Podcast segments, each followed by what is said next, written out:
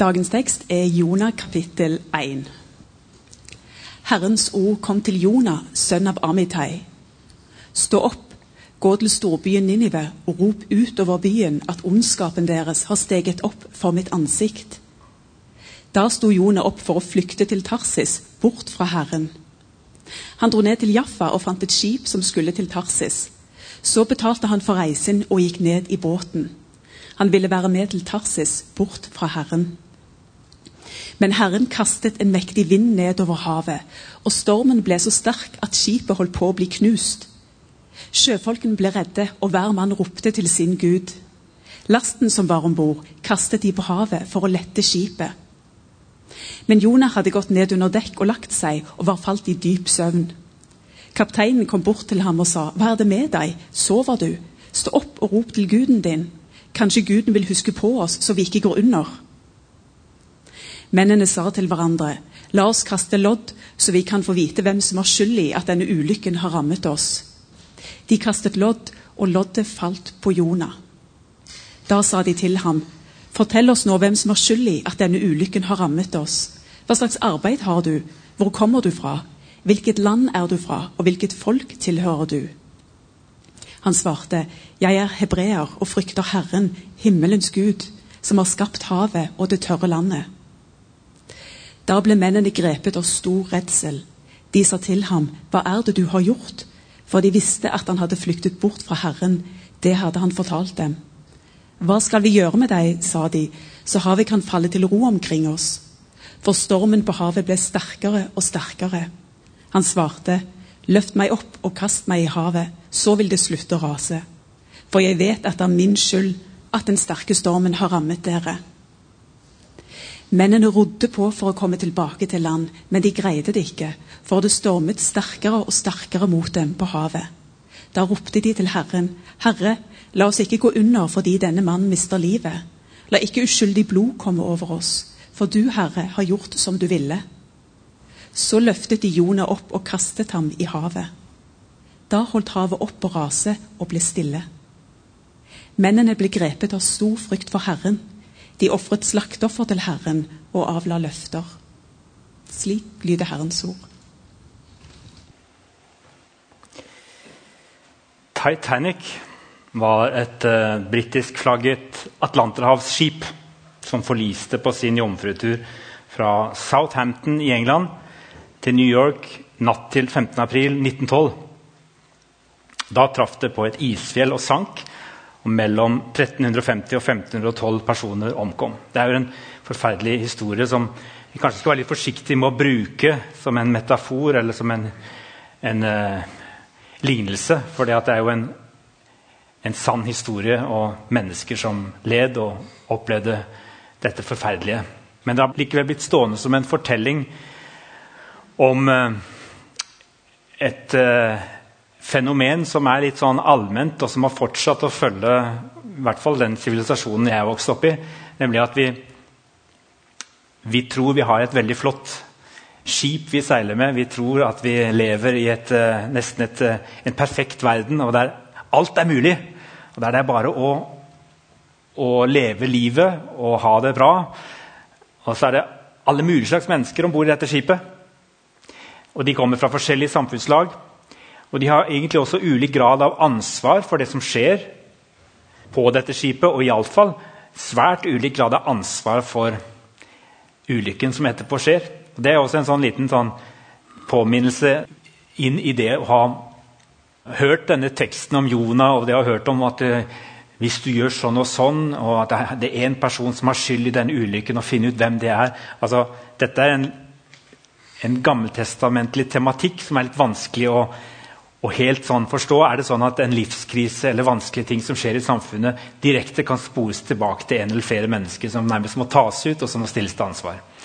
Den tematikken berører jeg ikke i dag i det hele tatt. Jonah han fikk en sjanse til å gjøre det som Gud egentlig hadde kalt han til å gjøre. Så dette er først og fremst en fortelling om Jonah. Og hva har den med Titanic å gjøre? Det er en forbindelse i illustrasjon her. fordi at eh, Problemet til Titanic det var at eh, den visste om isfjellene. Det var blitt gitt beskjed til kapteinen om at de kom til å møte isfjeller etter farvannet. De hadde hatt mulighet til å gjøre noe med det. eller De gjorde faktisk det til og med. De skiftet retning 20 km lenger sørover enn planlagt. Men det holdt ikke, for farten på skipet ble ikke satt ned. Så klokka 23.40 fikk utkikksmannen Fredrik Fleet øye på et stort isfjell rett forut. Men det var for seint. Skipet traff isfjellet på styrbord side, det er høyre, og rev opp en revne under vannlinjen som gikk langs fem av de vanntette rommene i skroget. Og det var ett rom for mye til å holde skipet flytende. Og klokka 02.20 sank skipet. Dette var i 1912, men vi lever i en samtidskultur der farten er temmelig høy. Og så tror jeg ikke jeg er den første som forteller dere at uh, skulle vi kanskje senket farten litt? Er det for mange impulser og for mye som kommer inn? Da Janka uh, så dette temaet og skulle tegne noe som hun opplevde hadde med, med sin forståelse av temaet å gjøre, så, så, tegnet hun noe som nesten noen kan tenke er en sånn slags krigsscene. med Noe som treffer et, eh, et hus, eller er det Ukraina, kan noen tenke. Men hun tenkte egentlig bare på, på vårt eget personlige liv. Hun sier det, vi må stanse opp, ellers går det galt. Det hadde hun skjønt. Bevisstheten om hva som befinner seg under overflaten, den er også tilsvarende lav blant mange av oss. Vi tror det er en sammenheng mellom høy fart og manglende kjennskap til eget emosjonelt liv og det jeg kaller usunn åndelighet. I tillegg til fortellingen om Titanic som illustrasjon så har vi da altså denne fortellingen om Jonah. Jeg skal ikke gi en voldsom bibelutlegning av Jonah i dag. og Det er jo det fine med at vi kan eh, samles i grupper eller jobbe med andaktene som ligger i den boka. At, at flere av dere kan også gå på jakt etter å se sammenhengen mellom denne fortellingen og det som er temaet i serien. Men Jonah var en som både hørte og tjente Gud. Men han nektet å lytte til Guds beskjed om å både elske og formane Ninive. Det var hans kall. Det var en verdensmakt som på den tiden var kjent for sin voldelige, barbariske oppførsel. Og Jonah han rømmer da 380 mil i motsatt retning, mot Tashis, som ligger i dagens Spania. Og Eugene Petersen, avdøde Eugene Peterson, som også er kjent for å ha oversatt uh, Bibelen til det han kaller for The Message, som noen kjenner den versjonen, han skriver i en bok om Jonah, som han bruker som et bilde på en uh, kristen tjeneste som uh, går på grunn. Hvorfor Tashis? skriver han. Det var i hvert fall langt mer spennende enn Ninive. Ninive var en gammel by med lag på lag av skadeskutt og ulykkelig historie. Å reise til Ninive og forkynne det var ikke noen fristende oppgave for en hebraisk profet med gode referanser. Men Tashis var noe helt annet. Tashis var eksotisk. Tashis var eventyr. Vi leser i første kongebok at det, det, ble rapportert at Salomos flåte kom fra Tarsis lastet med gull, sølv, elfenben, apekatter og påfugler. Og så kommer den viktigste setningen i dette sitatet fra Eugene Peterson. I Tarsis kan vi ha en religiøs karriere uten å måtte forholde oss til Gud. Dere kan grunne litt på den. Er det mulig å ha en religiøs karriere uten å måtte forholde seg til Gud? Ja, det, det, var det Eugene Petersen brukte en hel bok til å skrive om. Og det er på mange måter også det denne Peter Skazero har tumlet med de siste 20 årene av livet. Han skriver i begynnelsen av uh, denne boka som heter 'Under overflaten', som er uh, en av bøkene som han har skrevet som knytter seg til dette med emosjonell sunnhet og åndelig sunnhet. Han skriver kristen åndelighet uten integrert emosjonell sunnhet kan være fatalt. For deg selv, for ditt forhold til Gud og for mennesker rundt deg. Jeg vet det. Jeg levde halvparten av mitt voksne liv på den måten. Det er godt å lene seg på en annen, også en amerikaner som er langt unna. Peter Scazero han har vært veldig åpen i denne boka. Han har vært en medvandrer for meg i forberedelsen av den temaserien som vi skal ha for oss denne høsten. Kanskje kunne ordene delvis ha vært mine, men men denne temaserien den skal forhåpentligvis ikke bli en sånn vandring i episoder fra mitt liv.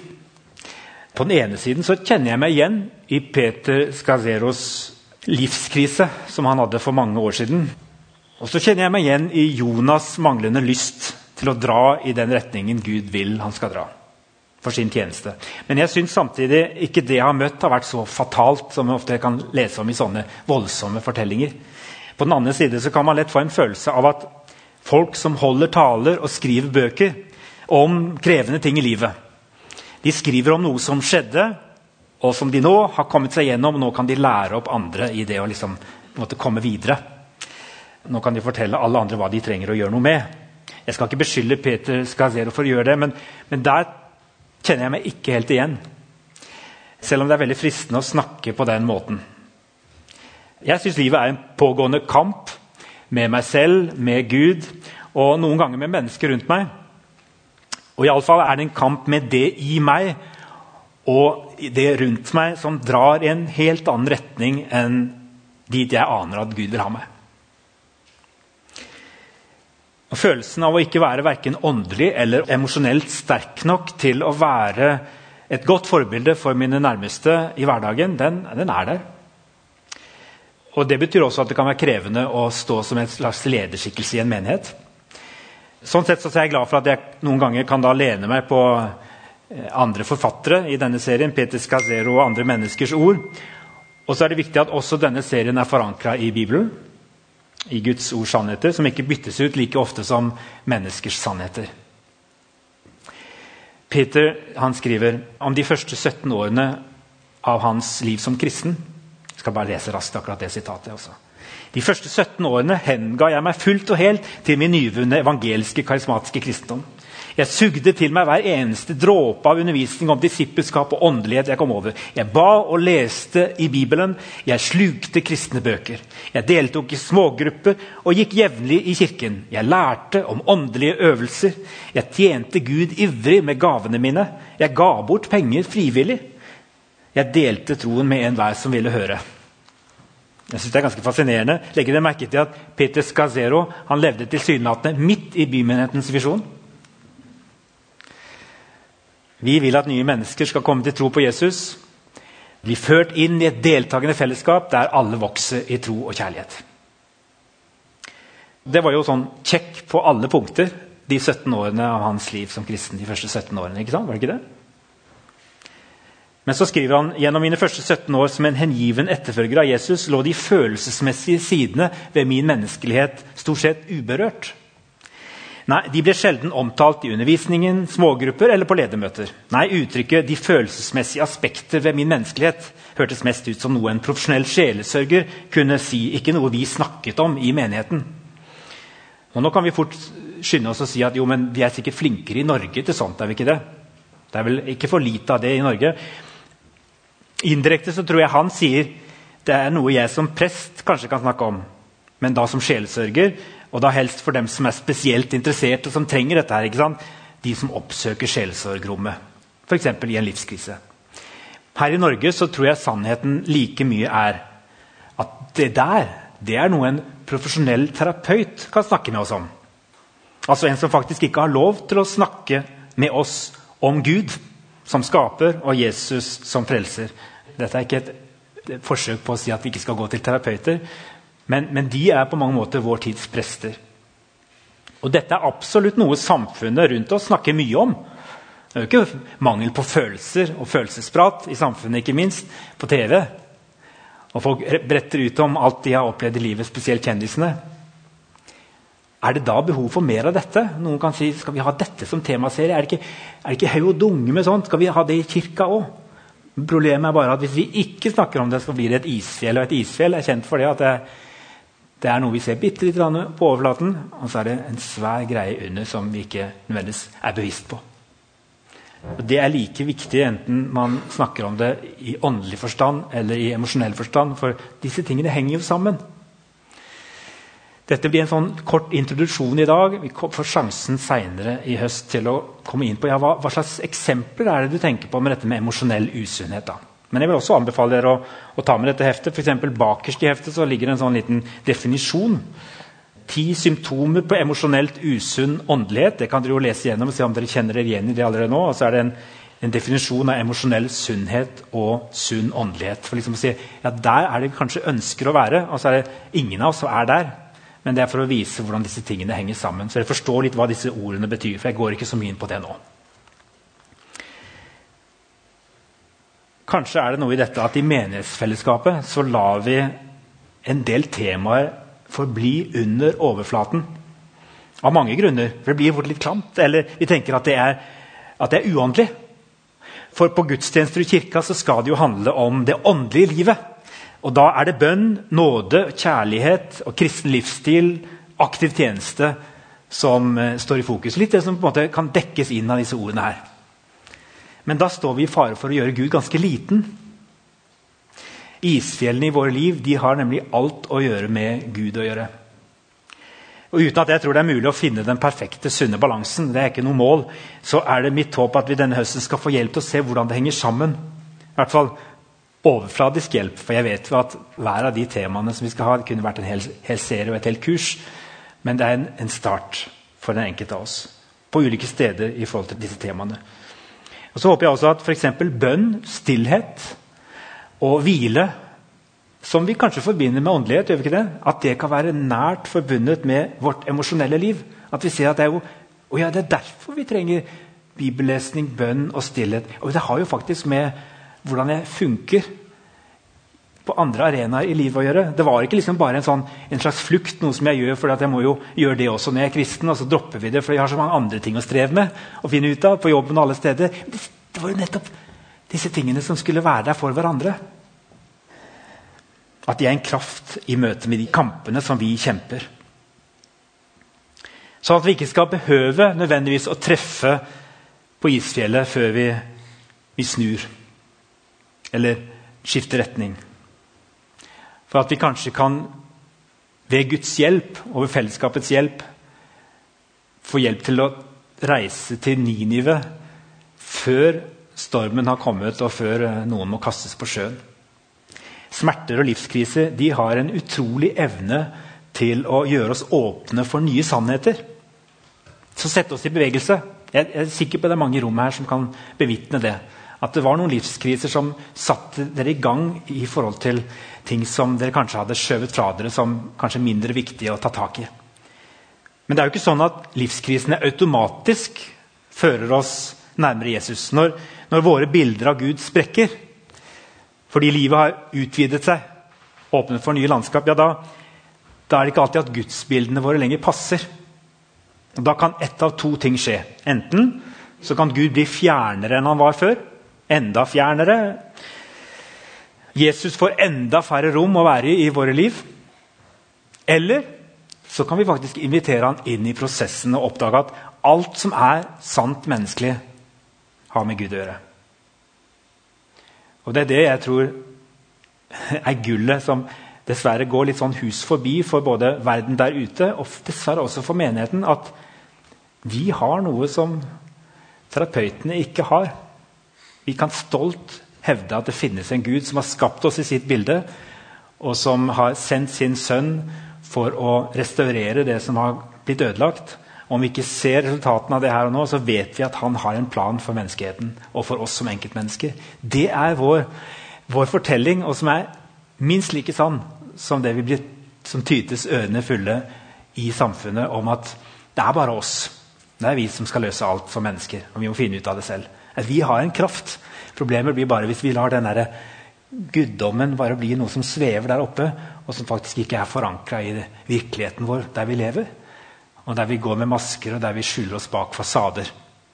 Ja, Da blir det faktisk sånn at det å tro på Gud kan bli en farlig unnskyldning for å ta et oppgjør med nødvendige ting i livet vårt. Følger dere meg så langt? Til slutt jeg sa tidligere i dag at jeg syns livet er en pågående kamp med meg selv, med Gud og noen ganger med mennesker rundt meg. Og følelsen av å ikke være åndelig eller emosjonelt sterk nok til å være et godt forbilde for mine nærmeste og for menigheten. Når jeg likevel vil stå foran forsamlingen i høst og lede en sånn temaserie, så er det ut fra en urokkelig tro på at sammen er vi mindre aleine. Mer enn noen gang tror jeg vi trenger et kristent fellesskap som snakker sant om livet. Og klarer vi å snakke sant om livet uten å bli grenseløst innadvendte og selvopptatte? Klarer vi å legge til rette for gode samtaler og prosesser uten å tråkke på andres grenser? De som absolutt ikke har noe behov for å brette ut om sitt indre liv. De som syns det blir fryktelig klamt når man skal begynne å sette navn på sine indre isfjell. Jeg håper og tror at det er mulig. Jeg håper og tror at det er mulig å ikke liksom bare si at dette er et lite lukket kurs for de spesielt innvidde, men at det er noe, et tema som en kan ta for seg i en åpen menighet.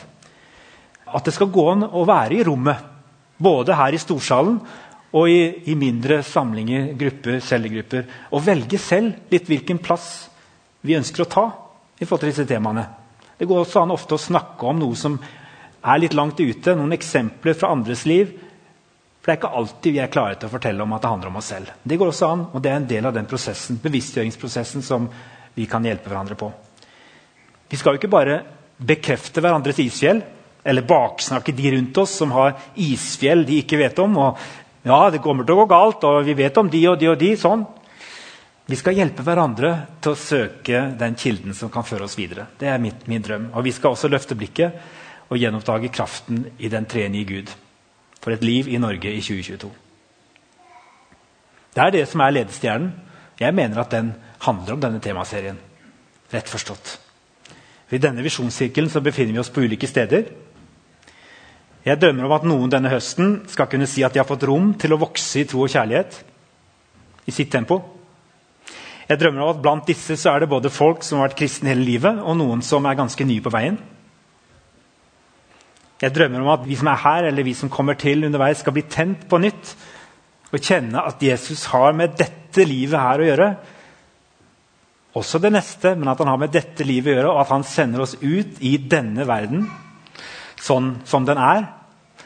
Og at vi aldri skal tenke at vi må være ferdig utvokst i tro og kjærlighet før vi lar oss bruke i tjenesten for Gud og vår neste, på arbeidsplassen vår eller i menighet og nabolag. For da kommer vi jo aldri ut av eh, venteværelset. Vi kan ikke vente til alt er på plass før vi tjener. Men jeg har i hvert fall tenkt å love meg selv at jeg kanskje jeg trenger kanskje hjelp til det òg, er nødt til å, ta, til å senke farten litt. Selv om det er naturlig for meg å ha mange jern i ilden og jobbe veldig mye, så må jeg spørre meg selv om det av og til er en flukt fra de tingene som jeg må faktisk ta tak i i eget liv. Og Da er, er, det noen verktøy som vi vil anbefale dere i høst som en hjelp på veien. Hvis dere kjenner det litt igjen. Og Det er da dette heftet som dere bruker i gruppene. Og så er det litt kortere podkaster enn disse talene som dere kan bruke på begynnelsen av gruppene. De skal være på ca. ti minutter, så man kan sette de på. og Da får man litt av det som kommer i talene. Litt kortere versjon. Vi håper at det er folk i gruppene som kanskje ikke er her. Det skal kunne gå an å, å være med på dette på ulike innfallsvinkler. Og siste, men ikke minst viktige, det er at vi anbefaler dere å kjøpe en andagsbok. Som uh, ligger der bak. Jeg har 30 eksemplarer i dag, og de håper jeg blir kvitt. Og så kan vi bestille flere fra bibelbutikken. Og Den heter Puls. og Den følger denne serien. Jeg anbefaler da å tenke at dere setter av to minutter, eller 15 eller 25. Det går an å gjøre det på to. Finn et tidspunkt på dagen, enten alene eller sammen med noen, og så leser dere den korte andakten hver dag med et lite bibelvers, og så er det relatert til det temaet som vi har for oss de neste to ukene. Som en liten hjelp til å komme litt under overflaten i eget liv og reflektere litt og be litt over det som nevnes i temaene. For å kjenne litt etter handler det om meg, handler det om noen rundt meg. Er dette noe jeg trenger å vite mer om? Jeg ønsker dere Guds velsignelse uansett hvordan dere vil være med på dette. Om dere bare vil komme her av og til og få med dere et enkeltstående tema, om dere bare er her i dag tilfeldig, eller om dere vil være med i, i en gruppe. Men jeg håper at vi sammen kan uh, gå i lag. Sammen er vi mindre aleine. Jesus, takk for at du er med oss. Takk for at du angår oss og det livet vi lever. Takk for at du ikke bare kan inviteres inn i våre rom, men at du faktisk ønsker at vi skal være med på det du gjør. Vis oss hva det betyr i høst. Amen.